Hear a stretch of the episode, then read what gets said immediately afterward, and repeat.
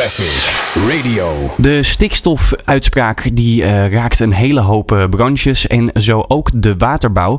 Daarom eh, bel ik met eh, de directeur van de Vereniging voor Waterbouwers. Eh, dat is eh, Edwin Lokkerbol. Edwin, een eh, hele goede middag. Goedemiddag.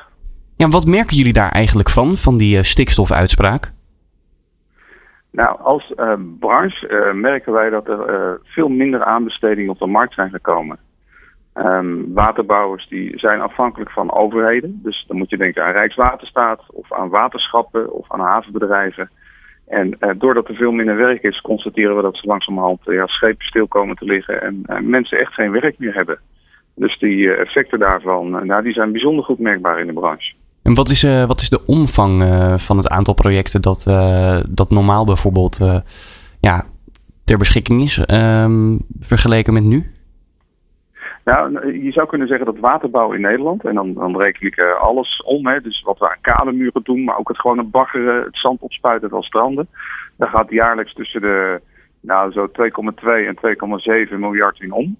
Eh, dus uh, nou, dat, is, dat, dat is een groot deel. En we merken gewoon dat er 30% minder op de markt gekomen is. Dus, um, en we kunnen ook constateren dat als het gaat om kleinschalig baggerwerk, dat is het baggeren van slootjes bijvoorbeeld, ja, dat, dat, dat daar zelfs 50% minder op de markt gekomen is. Nu is er ook nog uh, meer uh, recentelijk uh, een uitspraak gedaan over de PFAS. Um, ja. Worden jullie daar ook door geraakt? Ja, heel hard. Ik denk dat wij als branche, want PFAS wil zeggen, PFAS dat zijn toxische stofjes die in allerlei consumentenproducten zitten.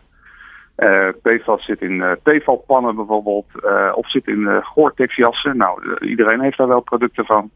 Nou, die zijn de afgelopen 40 jaar overal ingestopt. En na verloop van tijd komen die stofjes in het milieu. dat zijn toxische stofjes, dus die wil je niet in het milieu hebben. maar het probleem is dat er normen zijn neergelegd die zo ontzettend streng zijn dat je eigenlijk niks meer met baggerslip mag. Dus, dus nou, dat heeft ertoe geleid dat heel veel baggerwerken ook stilgelegd zijn. Dus daar, de, de, consequenties ook daarvan zijn bijzonder groot. Ja, jullie sector ligt bijna op zijn gat, zou ik wel durven zeggen. Ja, nou, dat hebben we nog nooit meegemaakt. want je hoort, de, de verleden jaar hoorde je dat dit voor onze sector, voor de bouw en voor de infra een, een, mooie tijd is. Er wordt geïnvesteerd in Nederland. We hebben begrotingsoverschotten, dus het zou goed moeten gaan. Maar ja, we merken dat uh, door PAS, door die uitspraak van, van de Raad van State en door PFAS, door die toxische stofjes, ja, dat we ontzettend achterlopen op allerlei omzetprognoses. En maar het meest frustrerende is wel ja, dat we, nu echt gaan zien dat de eerste ontslagen gaan vallen, bijvoorbeeld in januari bij de wat kleinere bedrijven, omdat er bijna geen aanbestedingen meer op de markt komen. Dus dat is frustrerend, ja. Ja, niet alleen frustrerend, maar natuurlijk ook gewoon echt uh, heel rot voor, uh, voor de medewerkers in, uh, in de waterbouw. Gisteren werd er geprotesteerd op het Malieveld door, ja. door de bouwsector. Waren daar ook waterbouwers bij aanwezig? Zeker, zeker. En die waren ook goed, goed zichtbaar. Wat ik wel een mooi signaal vond was dat, dat alle bedrijven eigenlijk vertegenwoordigers hadden gezonden. En dat gaat dan om kleine bedrijven, om loonbedrijven, uh, waterbouwers en baggeraars met een paar duwbakjes. Maar het gaat ook om hele grote internationaal werkende waterbouwers, waar Nederland ook uh, bekend om staat.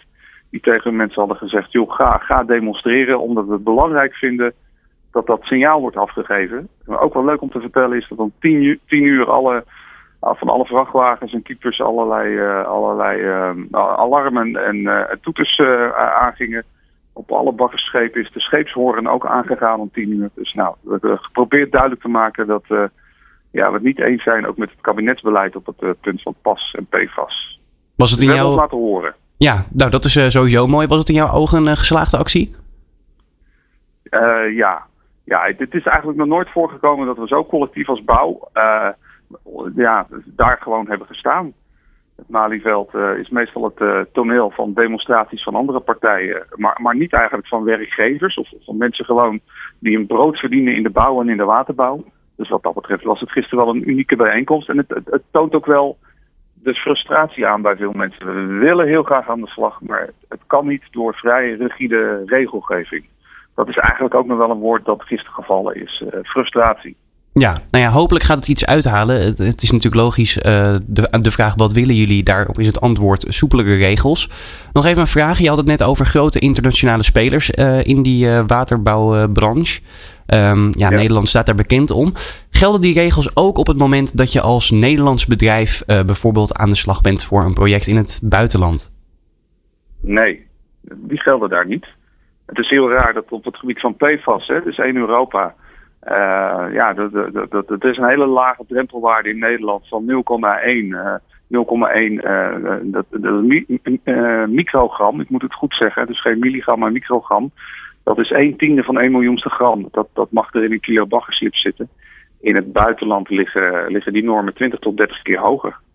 Dus we zijn echt een uitzondering hier in Nederland. En de, normen die we hier hebben, die gelden in het buitenland niet. Nou, de vraag die dan bij mij oprij, oprijst, als er in alle omliggende landen niet zulke strenge regels zijn, wat kunnen wij dan als Nederland um, daadwerkelijk bijdragen door die lage normen in te stellen?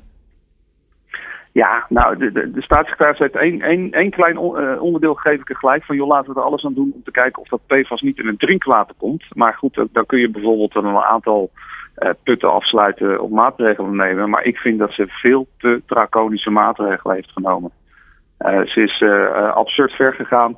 Joh, en het rare is eigenlijk ook nog dat PFAS gewoon geproduceerd mag worden terwijl het niet in baggerslip mag zitten. Ja, ik, ik kan dat ook aan mijn leden van de Vereniging van Waterbouwers niet uitleggen. Dus ik vind dat het, als PFAS top is en het is toxisch, dan moeten we stoppen met het produceren van PFAS. En vervolgens gaan kijken hoe we het uit het milieu kunnen halen. Maar dat moet de volgorde zijn, denk ik. Ja, nou, dat klinkt ook helemaal niet gek als je het, als je het zo uitlegt, Edwin. Um... Nee, nou ja, ik, ik, hoop dat de staatssecretaris dat ook zo ziet. En ik denk ook dat ze met de beste intenties ooit eens wat regels heeft opgesteld, maar dat ze zich, zich echt niet had voorgesteld wat de ongekende effecten hiervan zijn voor de hele branche. Dus uh, ja, ze zou moeten bewegen. Ja, je geeft net aan dat uh, de eerste ontslagen misschien bij de kleine bedrijven al gaan vallen in uh, januari. Um, ja. Los van de regelgeving, kunnen jullie als, als branche iets doen om het aantal ontslagen te reduceren?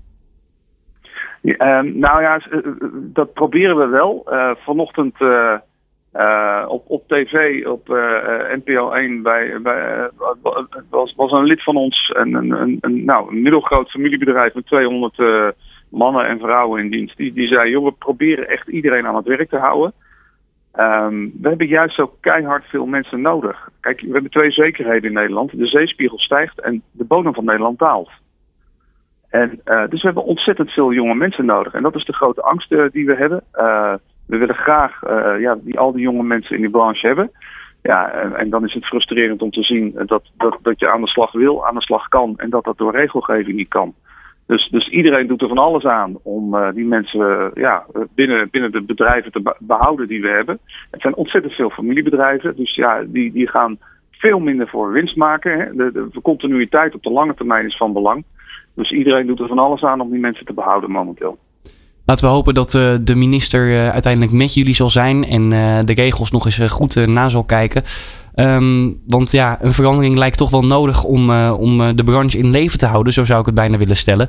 Um, is de minister voornemens om iets te doen? Ze heeft aangegeven dat normen verruimd gaan worden na 1 december. Nou, daarvan hebben wij gezegd, waarom tot 1 december wachten? Doe dat vanaf 1 november. Ehm, dus, dus dat kan veel eerder. Uh, dus ik snap niet zo goed waarom ze daar nog een maand voor nodig heeft. Oké, we gaan het afwachten en we gaan het op de voet volgen. Mocht er uh, nieuws zijn, dan uh, houden we contact. Edwin Lokkerbol, directeur van de Vereniging van Waterbouwers. Bedankt voor je tijd en een fijne dag verder. Oké, okay, heel graag gedaan. Traffic Radio.